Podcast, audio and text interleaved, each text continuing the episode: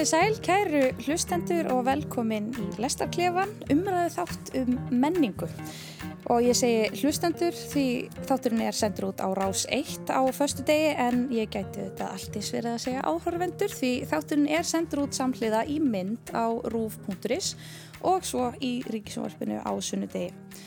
Umdeild verðlaunakvikmynd, íslensk hlaðvörp og fjörugur farsi, einhvern veginn þannig, mætti skilgreina umræðu efni okkar hér í dag.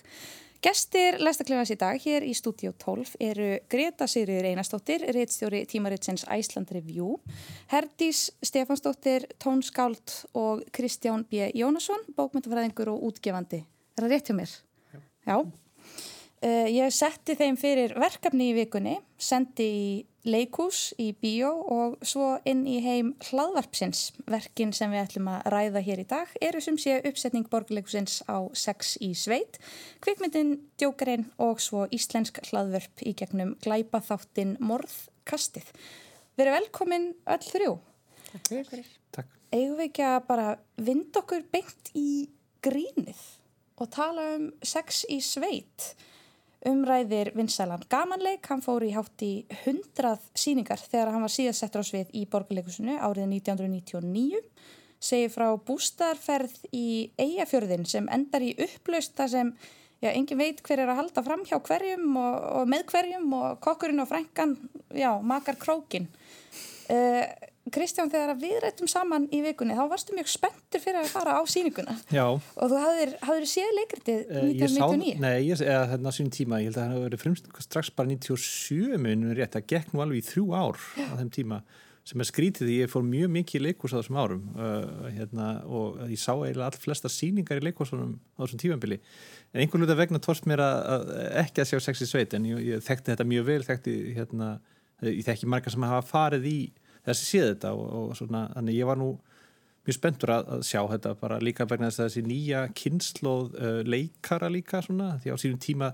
Gísli Rúnar og Edda Björgvins og svona voru þannig að hlutverkum á sínum tíma. Og svona þetta var mjög þekkt, þekkt síning sem margir sáu og ég skemmt mér bara mjög vel. Þetta var bara mjög fyndið og ég hló allan tíman og maður sagði. Já Þannig að hún stóð undir þessum væntingum sem voru verið að byggjast upp árum saman. Ég vita, já, já. Vart geta að sofa í 30 ár fyrir því.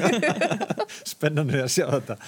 Nei, þetta, þetta er náttúrulega sko verkið, eins og, eins og nú tíunda hann í leikskrá, sko, þá er, er verkið sjálf náttúrulega, það er frá nýjunda áratögnum, mm -hmm. svo er það aðlagað í Breitlandi, sínt þar við mikinn fögnuð.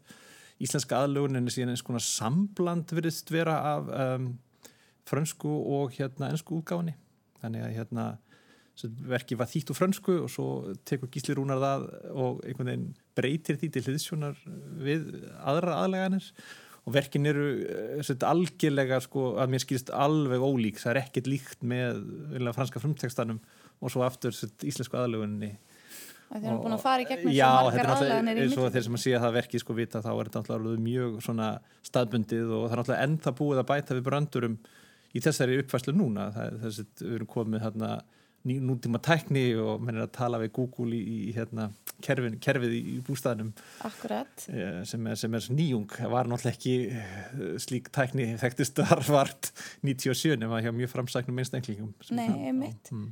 Greta, hvernig fannst þér síningin? Sko, ég er ekki búin að býða alveg að blingi eftir að komast að sjá þessi síningu og ég er svona farsin er náttúrulega mjög ákveðið listform sem er svona uh, það er það er hægt að hafa eins og skoðunar á honum. Ég þurfti smá tilhaupp uh, til að hafa gaman að þessu. Ég, svona, byrjunin kveikt ekki alveg í mig strax en ég var farin að hafa mjög gaman að þessu til lokin sko. um, ég ætla að segja jáfnvel uh, sko, leik, mjög hægt leikarannir standa sem ekki mjög vel uh, Katrin Haldur að sérstaklega, það fannst mér mjög skemmtileg. Alltaf því þrátt fyrir leikritið mm. um, það er svona þeir byrjar á þessum svona miskilningi og orðagríni sem er eh, vand með farið mm. en eins og ég segi stóður sig bara mjög vel hérna, flest allana og, og hérna svona já, náðu að gera þetta mjög skemmtilegt og náttúrulega þessi staðfærsla er svona kannski daldi gloppóta svona ymsu leiti af því að þú ert að færa þetta í eigafjörðin og það tala um akkurir og eigastæði sem er hérna, þá teng, margir kannski sem tengi meira við það en þá er, þá er líka einhvern svona smáandegi sem bögga mig í því sko eins og að eins og að þau fari bara með næstu vél til eigilstaða og hver flýgur milli akurirar og eigilstaða og uh, en algjörsmáðri svo sem en, en þegar þetta er að, að, á að vera staðfært sko vantala til að gera það náttúrulega fyrir áhörundan mm -hmm. um, já og eins og ég segi þetta orða byrjar á alveg svona löngri runu af svona miskildu orðagríni í byrjun sem að var það er erfitt mm. en, en svona þegar það komin aðeins meiri kraftur í þetta þegar það komin aðeins meiri fleiri inn á sviði þá og svona nokkur af það sem er mjög góður í bara svona physical gríni svona, um, já, já. líkamlegu gríni sem að Já, Sigurður Þór, Katrín og Vala eru kannski sérstaklega bara mjög sterk dæmi um unga svona líkamlega leika Já, algjörlega. Og, og, og stóðu sig. Mjög, mjög sammála því sko. Er, uh -huh. er skrokkur leikarans er einhvern veginn í þessu tilviki verður mjög fyrirferðar mikið atrið að maður bara náu utanum einhvern veginn að, að tengingu við þá sjálfa, við leikarana. Mm -hmm. og þeirra svona líkamlega framganga bæði til eh, bara hvernig þau lít út sem mhm. slíkir en líka bara hvernig þeir eru á sig komnir og hvernig geta beitt líkamannum og það verður einhvern veginn aðmálið og, og það tókst mjög vel í þessu. Þetta er þetta, fólk á besta aldri sem sagt er. Og hérna og þetta er mjög vanir leikara. Ég, ég sígur þóri, ég hef búin að sjá hann bara í nærið hver einustu síningu sko, finnst mér í þjóðleikusinu og borgarleikusinu síðustu ár því hann hefur líka verið mikið í barnasíningum mm -hmm. og, og þetta eru fólk sem voruð bara mjög vant að leika og tæknilega voruð mjög flink nákvæmlega í þessu formi sem er þessi sem gengur allur út á tímasetningar og, og, og svona fín blæbrið í, í reyfingum sem, a, sem að eiga vekja hlátur sko. Herdís, hlóst þú allan tíman eða kannski þrátt fyrir leiktið eins og Greta? Sko, ég held að ég þurfa að vera súra típan fyrir miður, af því að mér bara stökkvall að brosa á vör. Jaha. Og það, ég bara, ég þóri vall að segja þetta í útvarpi, en það var bara þannig og ég ætla bara að vera heiðaleg. Og ég veit ekki hvað það var, en mér fannst það fyrst og fremst vera svolítið svona menningarleg upplifun þegar maður mætir á stað og sko, salurinn sprakk úr hlátri. Fólk hætti ekki að hlæga og fólk skemmti sér svo vel og lappaði út með brosa á vör og ég var bara, vá, ég þarf að vera í sjálfskoðun ég bara, þú veist, hvað er ég ekki að skilja sem allir enn er að skilja? Þú veist, mér varst alveg svona í fyrsta lagi er ég ekki mikið fyrir farsa? Mm. og hef aldrei verið svona sitcom típa, ef ég er að fara í grín þá einhvern veginn fíla ég aðeins aðra tegundra grín, en ég mætti með mjög opin hug og sérstaklega bara mjög skemmtilega leikar að leiki síningunni og hérna mér er svolítið þetta byrjaði og það bara kannski ein mínúta búin, þá hugsaði ég svona ef þetta væri Netflix-serja þá væri ég búin að stoppa eftir intróið mm. svona þegar þú fær bara einhvern veginn væpið strax og er bara svona ok, þú veist þetta, þetta er að fara í einhver átt sem að kannski ekki alveg, alveg mitt þing en mm. allavega eh, horfa á þetta, já, einmitt hló jú, ég svona einu svona, svona brosti svona út í annað og það var einmitt líkamlegi leikurinn að sigga þórs. Mm, þegar hann var hérna, það var alveg fyndið en kannski var ég bara orðin svona ógísla súr inn í mér að þú veist að ég var aldrei að fara að detta í hlátra sköllu en hérna, og vinkona mín sem fór með mér var jafn súr þú veist, mm. ef ég hefði farið með vinkonu sem að hefði kannski verið að hlæja ógisla mikið þú veist, ég er líka svolítið svona meðvirkur hlæjari mm. þú veist, ef einhverju með mér sem finnst eitthvað finnst ég eitthvað svona ha ha ha, ok, ok, ok, ok, já, til já, já. en hérna, mér langar já, sorry, mér langar að segja líka með þetta, það sem að kannski svona fór smá Eh, ég fór bara svona einhvern veginn að pæli þessu og fór kannski svona smá í taugarnar á mér að ég verið að hugsa því að þetta er síning sem er sett upp fyrir þú veist 20 árum síðan og er hún sett upp í dag 2019 og það er ímislegt sem hefur breyst í samfélaginu síðan þá mm -hmm. eins og bara illa. já, eins og bara hvernig viljum við eh, presentera kvennkins leikonur og hvað getur við gert til að brjóta aðeins upp svona ótrúlega steingeldar úrelt vantar einhvern veginn bara kynja ímyndir hugmyndir. og mm -hmm. hugmyndir og það sem að mér varst áhugavert er að þarna einhvern veginn hérna, eru þrjárkonur í verkinu sem að falla algjörlega inn í mestu stereotýpur í heimi sem að er sér satt bara einfalda bimbóið á mínipilsinu eiginkonu skassið og trökurinn og þú veist að það er ekki liðnar nema tíu mínútur þar til að einhvern veginn konan í mínipilsinu beigir sig fram og það sést í nærbuksnar og ég var alveg svona ok, þú veist, er þetta alveg bara svona húmurinn sem við erum að vinna með núna? Eða væri ekki á kreatífan hátt hægt að brjóta upp þetta ótrúlega steingælda gamla form og ef það þarf að annað borð að setja upp svona gamlan feðraveldis farsa, er þá ekki hægt að þú veist uh, skipta upp kynjahlutverkum eða gera eitthvað svona smá flip til að einhvern veginn, þú veist, uh, nálgast þetta á ferskan hátt og ég fórum eitt hérna pæliðis af því að horfði á Love Actually um jólinn sem að minnst alltaf og hefur fundist æðislega mynd þegar ég sá hana á sínum tíma og núna en það sem ég hugsaði þegar ég sá hana og náttúrulega uppfull af alls konar bara svona semi-rasískum kommentum og hvernfyrirlitningu sem var svona einhvern veginn horfið framhjá af því að samfélagi búið breytast og maður sjálfur með og maður hugsaðar þessi mynd gæti alveg verið gerð í dag en hún væri gerð allt öðruvísi Einmitt. og það er það sem ég hugsaði um þannig að farsa. Það er kannski, svo ég hoppi hérna inn í því að þetta, það sem að þið tværir að segja, annars vegar um að sko þrátt fyrir leikritið mm. hafi þetta verið skemmtileg og, og svo kannski að þetta vanti þessa uppfærslu á sérstaklega kynja hlutverkunum. Það er eitthvað sem endur spekla svolítið í gaggrinni sem að verkið hefur fengið á svona ofberu vettvangi. Gaggrindi Morgonblassins gefur verkinu þrjár og halva stjörnu af fimm og hafði ekki mislegt jákvæmt að segja en þótti Haraldur Ari Stefánsson hafa svona úr minnstu að móða. Hann kemur þarna inn alveg í lokin á að vera ofbeldismadur og svona ógnandi afbríðisamur þöngulhaus eins og hann segir sko. En einhvern veginn er bara ekki sannfærandi endilega í því hlutverki sko. og hjá vefriti hugvísindasviðs háskólan segir Dagni Kristjónsdóttir að leikritið sé lúið og það sé vel hægt að hlæja því en kynja hlutverkin séu hræðilega gamaldags og sko þú talar um, um konunar ég vil kannski gefa mér að, að það vísi þó einnig líka í Hund, hundra. Og hans- hans ég var bara persónu. ekki komin lengra sko. Nei, og líka bara samböndin innan leikrið sem ganga ekki upp þú ert með eitthvað fólk sem er eitthvað að bæða halda fram hjá hvort öðru og þau, það er einhvern veginn svona mesta þeirra issue er bara að halda því lengdu.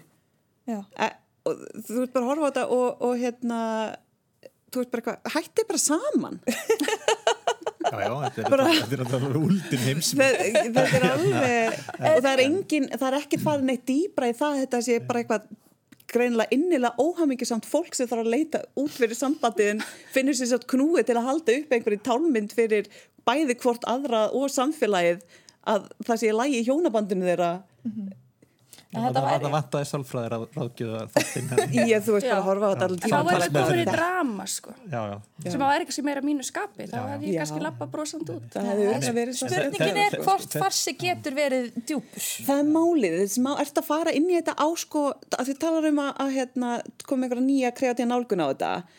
Er það málið, eða ætti kannski bara upp nýleikrið? Na, sko, all, sko fyrsta lega hefði mér bara fundist af hverju var þessi farsi settur upp. Jú ég skil, hann var greinilega svona svakalega vinsæll fyrir 20 árum og ég er greinilega, þú veist, ég var í smá sjokki hvað fólki fannst það skemmtilegt.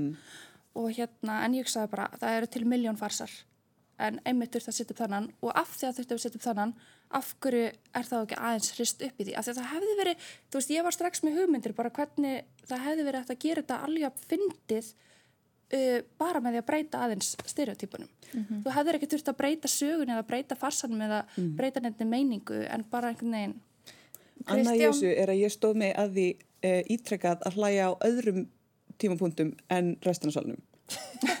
Tala, að þú talar um að það er ekki fylgst með salnum hlæja í kringu þig. E, og, það var, meðalaldurinn var svona kannski aðeins herri en, en, en já. já, við dróðum meðaltalað aðeins niður en mér fannst að þetta mitt, það voru mismöndu punktar sem að Eh, Sko Kristján, þú talaði Nú er ég miðaldra. Já, nú, nú ert þú miðaldra Kristján uh, Hefur mjög gaman að försum. Sérstaklega eru svona hefðbundin og gamaldags kynnihlut. Þú talaði hérna í upphafi um hvernig þetta var svona nútímavætt með þessu uh, sko Já, já, sem er kannski já, já. sérstaklega í byrjun með svo- Google Já, heimastýrikerfið það, sko. svo datt það einhvern veginn út. Það var eins og menn heldu ekki því til streitu. Ég verði að vikina, ég hafði nú aðeins svona, Nei. fannst það svona, í raun og veru, það var svona, klest inn hér og þar og svo eins og menn glemdu því líka. Svona, ok, að, þetta var kannski ekki, verið að ha- hamra á því.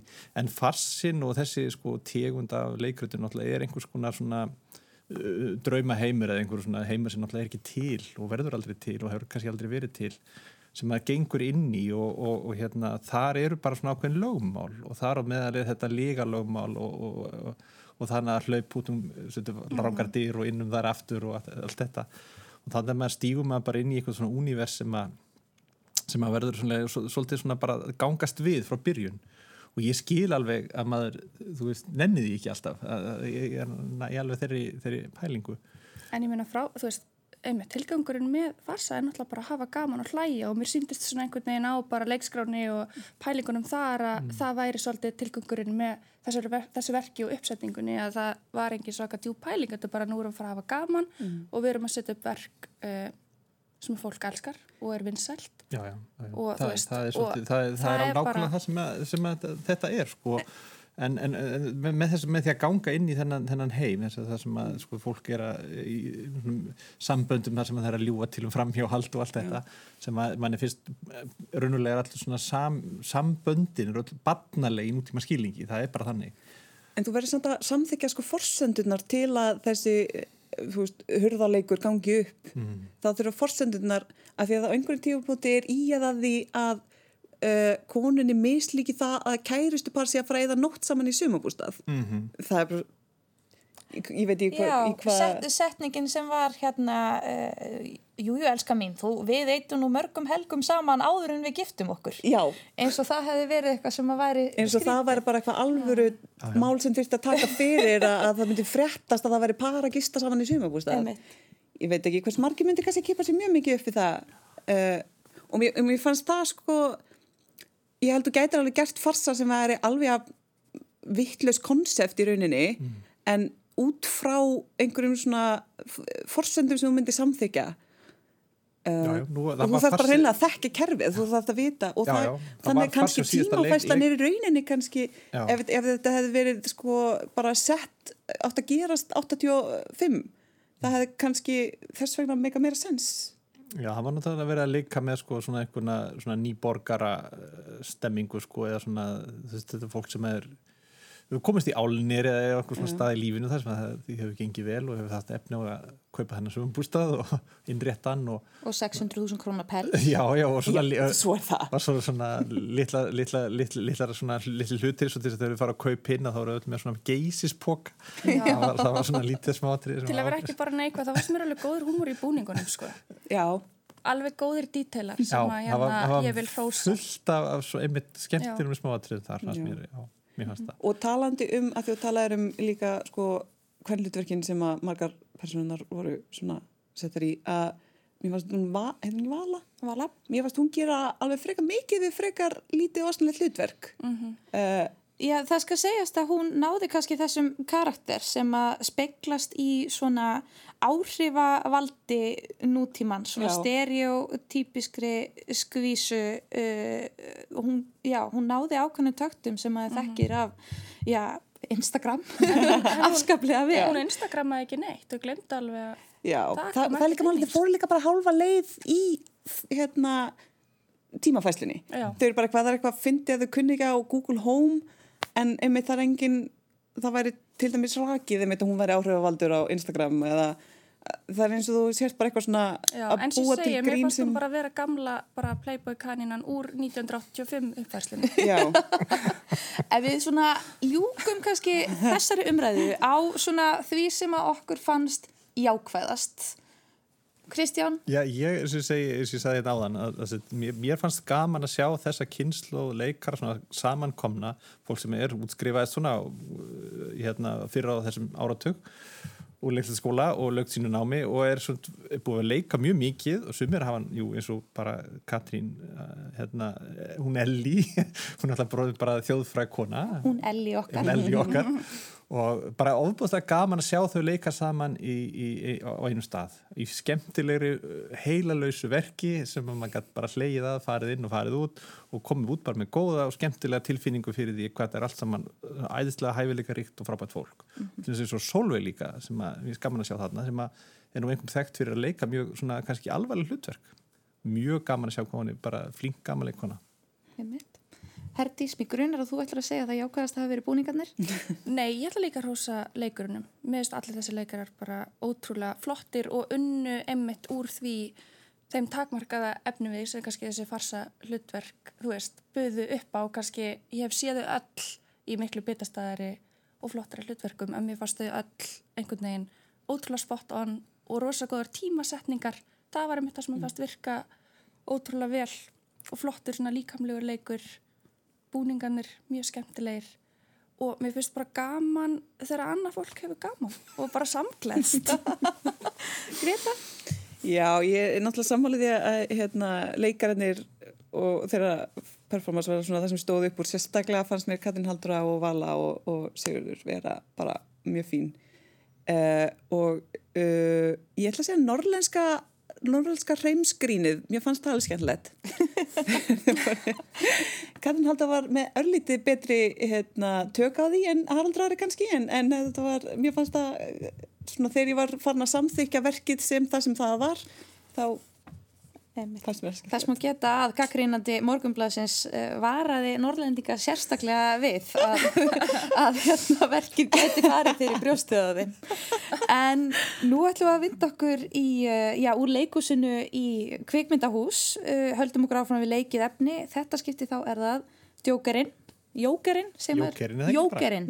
Jókerinn. Jókerinn, já, hann er allavega til síninga í kvikmyndahúsum um þessa myndir, kvikmyndin í leikstjórn Todd Phillips hlaut aðalverlun á kvikmyndaháttíðin í Fenum og hefur uh, bæði hlotið lof og last.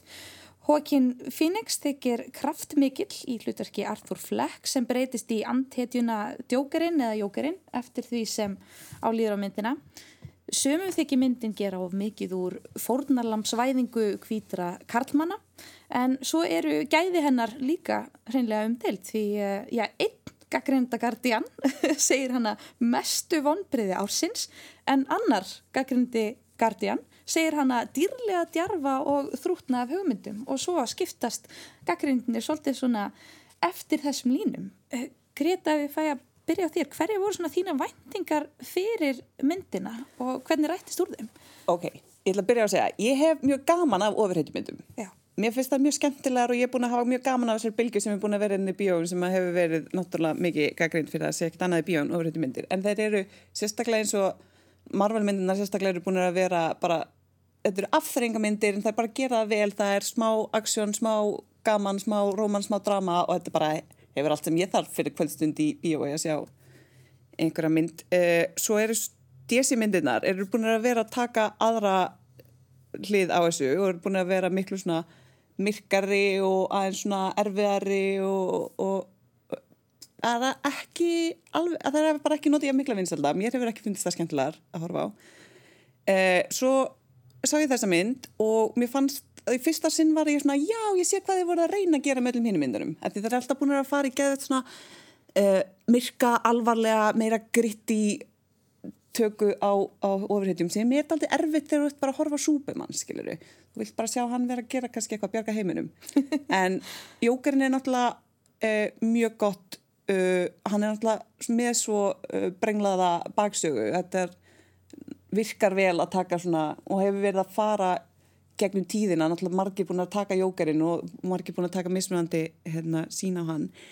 Það sem ég fannst mjög skemmtilegt með þetta, því þú ert með hennan karakter sem er bara, ég veit ekki hvað er margir búin að leika hann gegnum tíðina, en bara á síðustu svona 20 árum eru miskustu fjórir stórir, um, er að uh, Heath Ledger var náttúrulega mjög vinsæl sem jókerinn og Jack Nicholson, en hann, að því hann er alltaf þessi grínisti, þá er alltaf svona hann er að gera fremja hræðilega glæpi en er að gera það alltaf með svona smá brósut í kantinn og er með eitthvað svona smá grín, það er ekkert froslega fyndið og yfirleitt uh, en það er alltaf eitthvað svona, hann er eitthvað að reyna að grínast.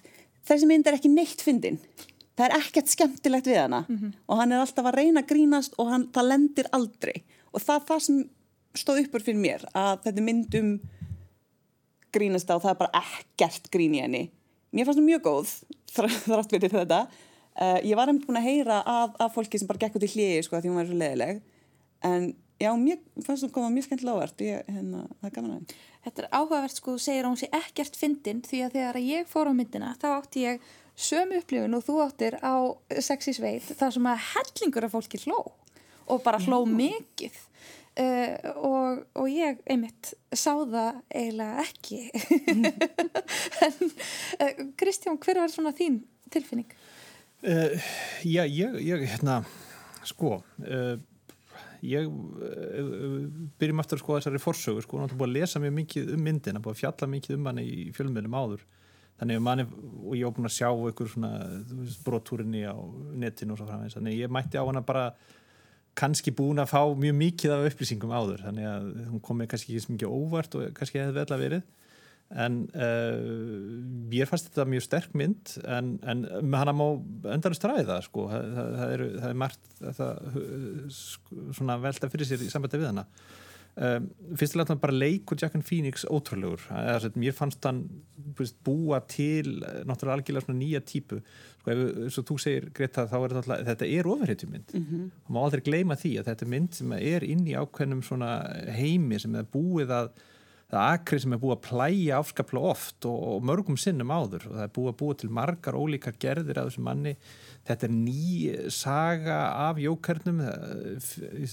Ledger sagan og rúinlega saga Jack Nicholson var það að þetta var í maður sem hafði aðstóða glæpa flokk við innbrott í verksmiðju, efnaverksmiðju og er síðan hendi í svona sírubað afmyndast og, og fjölskylda hans er tekin gíslingu af þessum mönnum og, og ítla farið með hana og og það, eftir þetta síðurbað þá breytist hann og verður sjálfur glæpamaður og stjórnar eigin glæpaflokki og, og mála sér eins og trúð.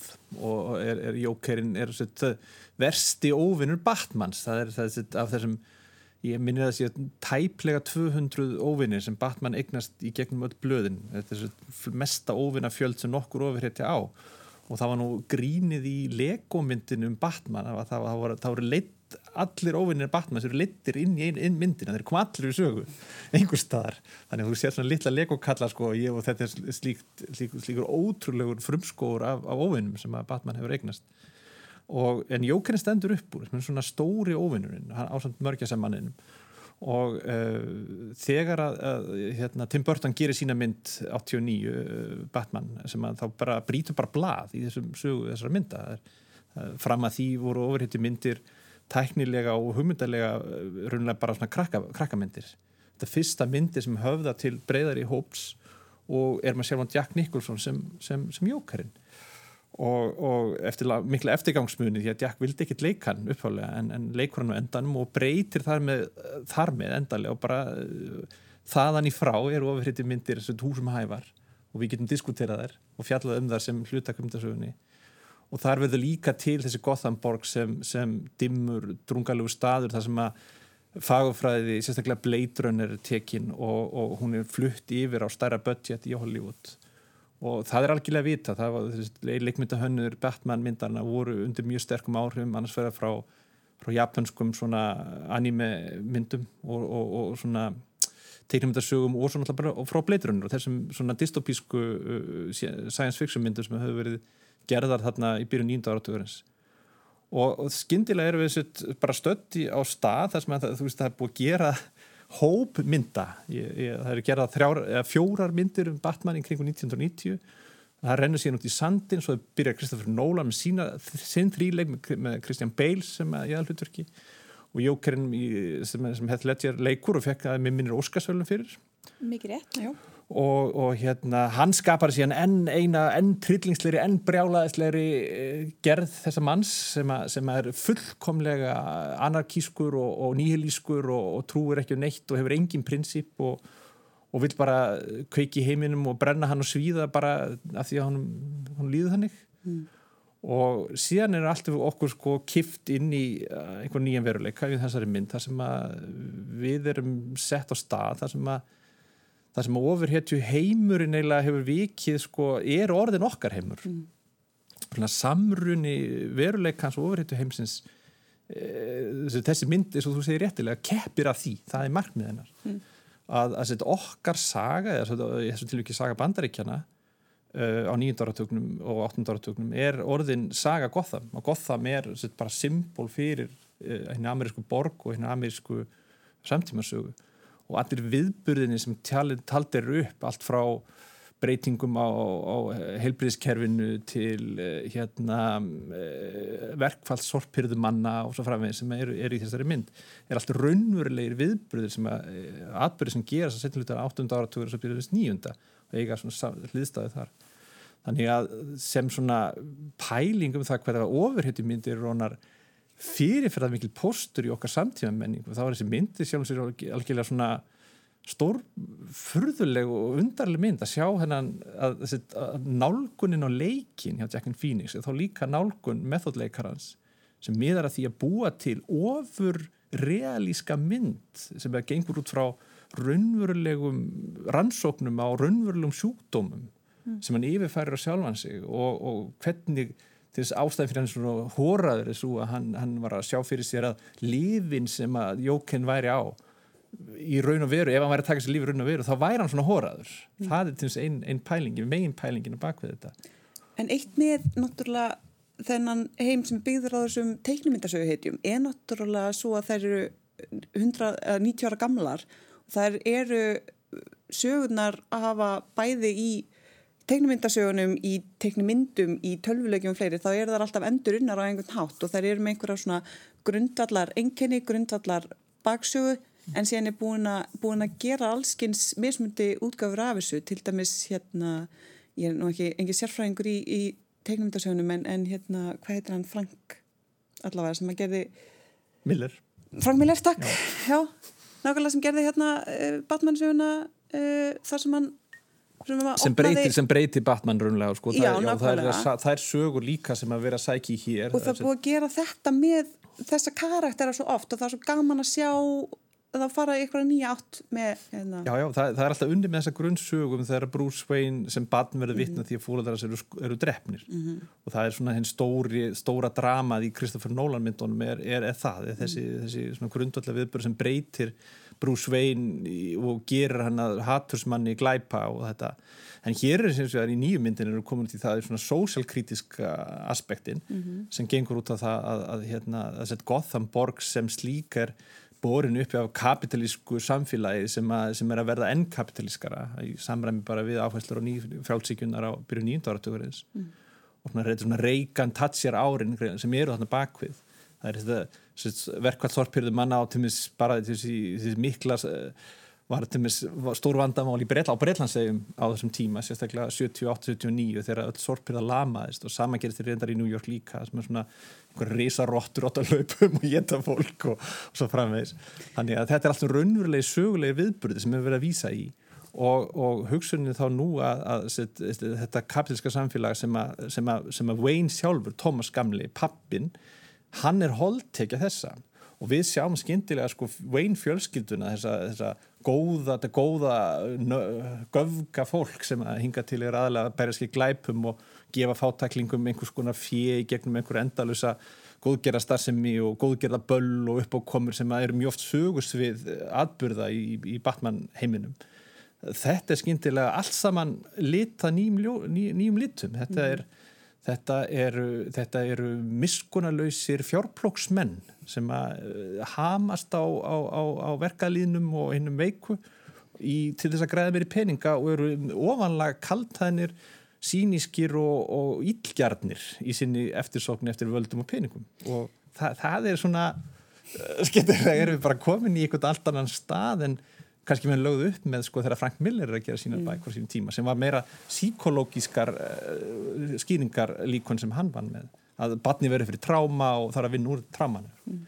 ja, reyndar vissulega barn sem er að vinna úr tráma í, í þessari mynd já, já. það er kannski spurning hvort þessi þetta eh, atrið, þetta að gera að færa jókarinn inn í raunheiminn sé kannski gert á einhvern máta sem að, já, sumum finnst að vera svo ég fá að sletta á ennsku hér í, í útvarpi þjóðarinnar. Heavy handed. Að sé kannski svolítið svona, svona augljós þung svona ríkur vondir greið litli maðurinn og, og það sé einhvern veginn ekki til neitt svona ólöst svæði þar á milli. Uh, ég, ég spyr hvort að mm. finnst ykkur myndin kannski svolítið þung er hún núansuð Herdís, hefur þú skoður þessu máli? Á myndinni bara. Um, já, ég er alveg svona, mjög einhvern veginn tvístígandi með þessa mynd og, og ég verð að segja einhvern veginn að eftir síninguna að það var eitthvað sem að stuðaði mig eða hrefði við mér mm. af því ég fór á hana og ég er ekkert svag alveg mynda sig aðdáðandi sem ég haldi að fór mér að súr mm. en hérna þannig að ég einhvern veginn þú veist, minnst Marvel til dæmis mjög leiðilegar og mynd meira fyrir þessar þungu. Mm. Dark Knight Rises og þannig er eitthvað sem að hefðar meira til mín sko. En hérna um, mér fannst þessi mynd alveg góð eða ágætt en eftir því sem ég pældi meira í henni og fór að hugsa hvaða var sem ég fannst gott að þá einhvern veginn fór að svona renna á mig tvær grímur mig kannski í raun og veru ágættu myndarinnar það sem mér fannst þessi mynd svolítið vera var klikkaður leikur og klikkaður performance á Joaquin mm. Phoenix sem sagt góður, já. klikkaður já, á jákvæðan hátt klikkaður er sem bara geðveikur frábær og, og geggi tónlist mm -hmm. ótrúlega flott tónlist hjá Hildi Guðnadóttur og rosalega flott kveikmyndataka þannig að það var einhvern veginn það sem að gaf myndinni þriðju vítina í annars svona frekar bara tvívíðu og banal plotti sem að mér fannst einhvern veginn sammála mörgum gaggrínendum með sem er að tala um dýftina á myndinni og einhvern veginn uh, allt það. Þannig að mér það var náttúrulega engin saga, það var ekkert plott, það var engin fantasia en hann náði einhvern veginn á svolítið svona klikkaðan hátt að fjöla sig á bakvið bara svakalega, hvað segir maður, bara svona listrænt framlag aðstandenda myndarinnar, þá tónskálds og kvikmyndatökumanns og hérna, leikara. En það er eitt í þessu með það að þetta er þrátt fyrir allt saman, það er ofurhetjumyndir og þær eru aldrei svona, þú veist það má í rauninni kannski horfa þetta aldrei svo þjóðsögur, þetta eru einfaldarsögur, það er einhver svona framvinda í þeim sem þú veist hvað gerist. Og, en þarna var e engin saga, þetta var Nei, þetta var svo sem bara svona bakgrunnsmyndi að þannig já. af svona upprunasaga Ég, ég, ég myndi að það myndi að taka undir þetta Greta, þín orði um þetta að, að, að ofurhetju myndur, ofurhetju sagnir eh, hafa öll enginni uh, eh, þjóðsagna og, og svona flökkursagna e, eins og það komi upp úr þjóðadjúpinu þá það gerir það ekki. Og, og eiginlega enginni þá góðsagna líka. Eru, og Marvel hefur alveg farið þá leið að gera í síðustu myndum sínum en það, þær eru bara góðsugulegar biblíusugur, það er bara eins og að þetta eru bara svona bóðorðin tíu okkar daga, sérstaklega síðustu tvær myndir Marvel, það sem er raunverulega er bara svona ný, ný trúabröð bara presentur fyrir uh, fólki sem eru kannski svona og, það að opinna fólk á Indlandi, Kína og Rúslandi og hér getur allt tengt sig við þessi trúabröð einhvern veginn að því að þau eru ekki ofinberið að snert ekki á einhverjum helstu álítamálum okkar samtíma en DC hefur fyrir þessu aðra leið í sínum sagna bara stíl. Og er þá meira upptekið að því að benda á að það sé einhvers svona brot leið ofurhetjunar að einhvers konar sigri er alltaf þyrnum stráð og, að mynd DC sem er nú kannski skásta myndin hér á undan sem er sett Superman gegn Batman leðublökum maðurinn berst gegn ofurmenninu sem fjallar um lögmæti Supermans til að gera það sem hann gerir á jörðinni. Og er bara svona lögfræði drama og, og er grundallar atriðum bara svona átökum um, um rétt. Er, er, nú er þú að fremja hérna alls konar afreg en, en ef þú klikkar hver getur þá sóttið til saga er svona, það er pælingin í þeirri mynd. En í þessari mynd er pælingin aftur þessi Uh, uh, Batman þessa, þessi ofurhetja sem, að, sem er utan dóms og laga með viðkynningu frá samfélaginu. En ef samfélagið þarf ekki dánum að halda ef samfélagið sjálft er, er, er þetta, hann er hinn raunverulegi raunverulegi illmenni, Batman sjálfur eða hans fólk er það sem gerði þetta samfélag vond og, og smáskamtalækningar liðblökumannsins er ekki það sem dugar. Það sem þarf er sósélismi eh, að eftirnutækinu farur höndur kapitalistana í höndur, hendur verkamanna, eitthvað svona skilur, það er, Ef hann hefði sett mjög... alla peningarna sem hann setti batmóbíl í staðin fyrir að byggja fyrir einrið samfélagsins þá getur hann ekki taka eitthvað glæpamann Það er, er þetta, er þetta, þetta skilur på myndar. Einmitt, og við þurfum að hérna, staldra hér við með djókurinn fyrir utan það að ég vil koma inn á einmitt sem myndist á tónlist Hildar Guðnadóttur uh, hún hefur nú þegar verið orðuð við Óskarinn hvernig upplýður þú, ég tala við þig að því að þú er tónskaldið og við höfum lítinn tíma hvernig upplýður þú tónlistina uh, hvernig, hvað þýðir hún fyrir myndina? Uh, hún var rosalega stór hlutamyndinni og ég held ég að við aldrei farið í bíó og séð tónlist mixað jafn hátt.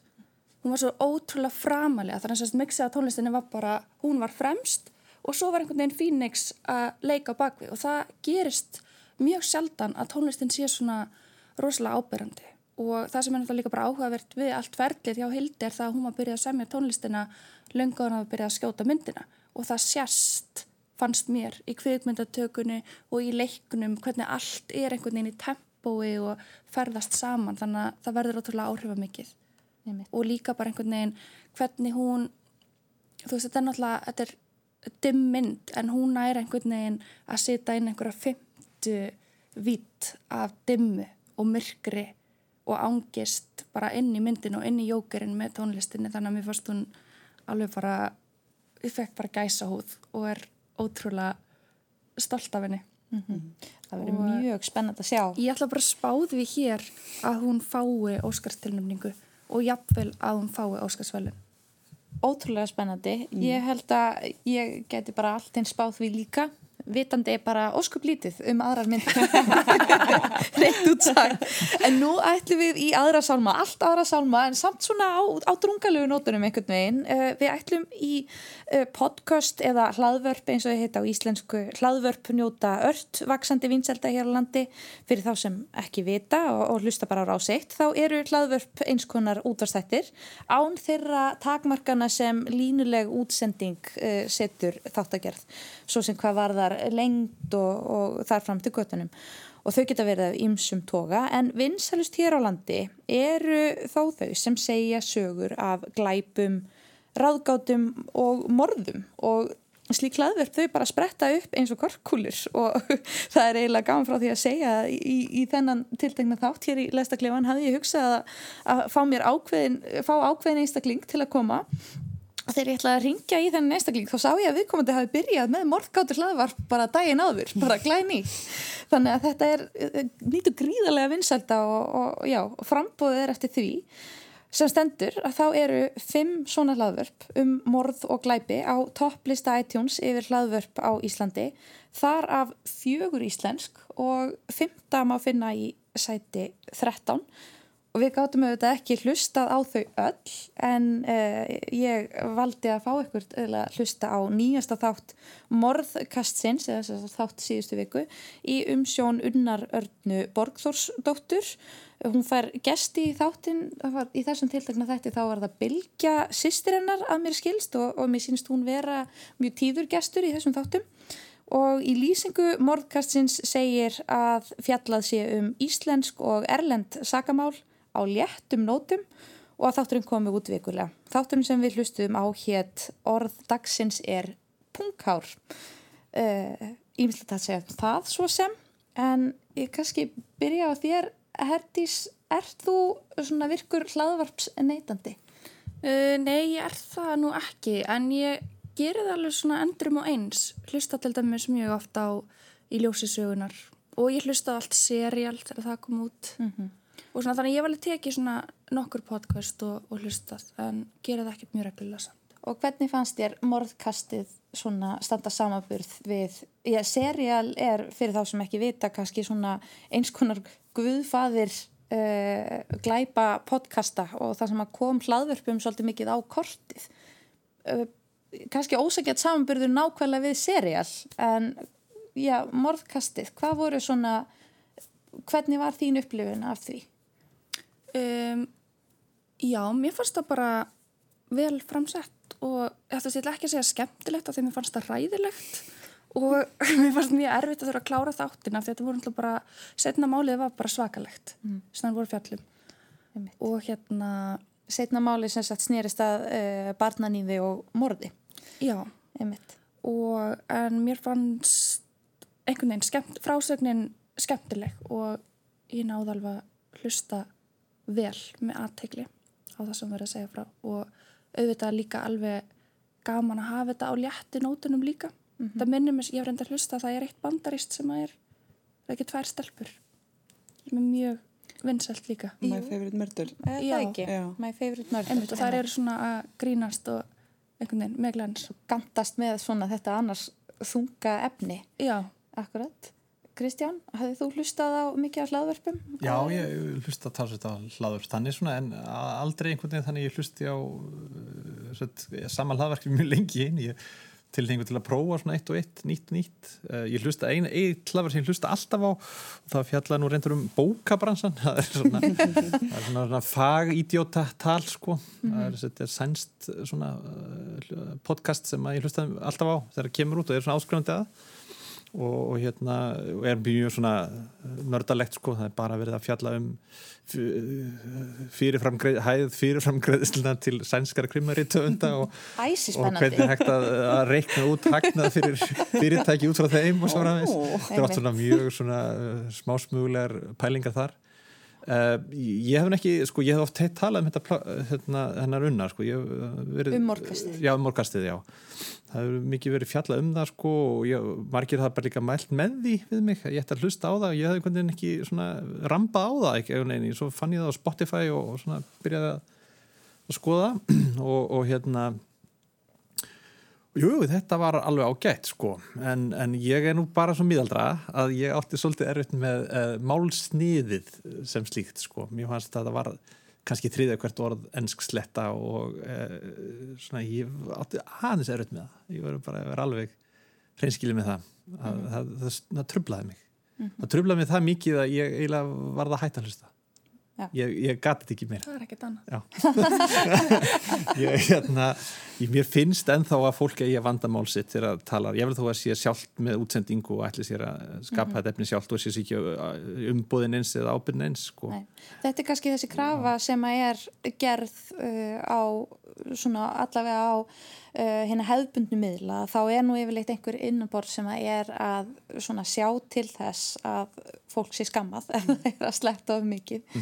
Eða ef það er að leiðrétta það er að tala rámt mál er að, er að Sko málið er það, fólk það, er tala, það er sýstur í þessu, þessu tiltekna þætti, tala nefnilega ekkert vond mál í raun og veru þegar það sleppa þessum ennsku slettum eða þessum eh, svona, svolítið svona taugaveiklingslegu ennsku upprópunum og svona og þess að millir er bara afskaplega góður í íslensku og, svona, og það eru áhlýðilegar, það var fallega svona góða rattir Þetta stundum bara í eitthvað svona smá sjómla málfar sem að er svona óþægilegt að hlusta bara, fannst mér. Og ég hugsa- Sjómla málfar, já. Já, eða væri Eitthvað svona, einhver segir eitthvað hræðilegt um eitthvað morð á litlu badni og svo kemur jæks. Þetta er bara ekki, já. Já, já. En, þetta, Eitthvað- en þetta er sko hluti náttúrulega podcast heiminum er það að það sko ber engin ábyrð á hann og þetta er, mm -hmm. stórkurslesta við podcasti frá byrjun er náttúrulega þetta að þarna get, gefst öllum tækifæri að verða sín ein útarstöð og það er ekkit svona einhverja hömlur á þá hvað mátt segja Má þetta ekki vera svona svolítið hversdagslegt? Er það ekki svona það sem það eru að vinna með? Ég ætlaði að segja casualt og svo var ég guð.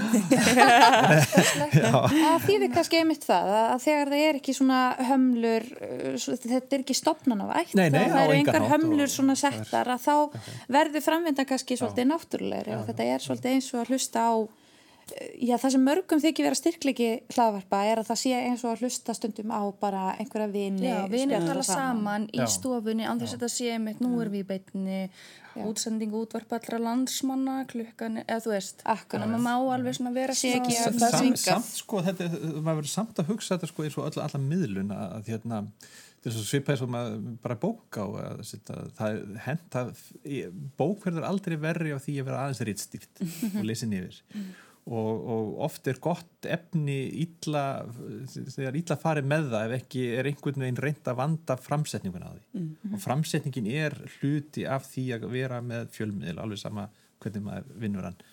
Og ég hlustaði um daginn okkur svona þýsk podcast ég, ég bjóði lengi í Þýsklandi ég, uh, svona gaman að hlusta það hvað þeir eru að gera, ég var bara svona fyrir forhundinsakir vita hvernig þeir gera þetta og þetta er greinlega mennleggja orðið mjög mikið í þetta þó þessi að gera þetta bara á einn spýtur. Og þetta, mér skýrst nú reyna að þetta sé orðin bara nokkuð svona álitlega tekjumótil fyrir í stærri löndunum sko, fólk er selur auðlýsingar inn á þetta og er svo að koma fram og er með einhverja heimasíður og varning og bóli og eitthvað sem að selur til þess að tala og, svo reyna að menna að ná meiri vinseldum en, en ég, svona, ég held að sko svona miða alltaf allt miða bara hvað er orðið vinseld þá mætti menna svona aðeins stundum hugsa með sér betur sko, ok, ég, ég hef þá vissulega ábyrðið hvað einhvern veginn miðluninni, þó það var ekki annað en það sko, mm. Vist, hvað er ég að gera hérna er, veist, það er gaman jú að hlusta á vinsinn mm. spjalla en En, Nei, ég skila en, algjörlega hvert þú ert að... Þetta er, þetta er miðlun. En ég ætla að, að segja með morgkastið að mér fannst það er sko,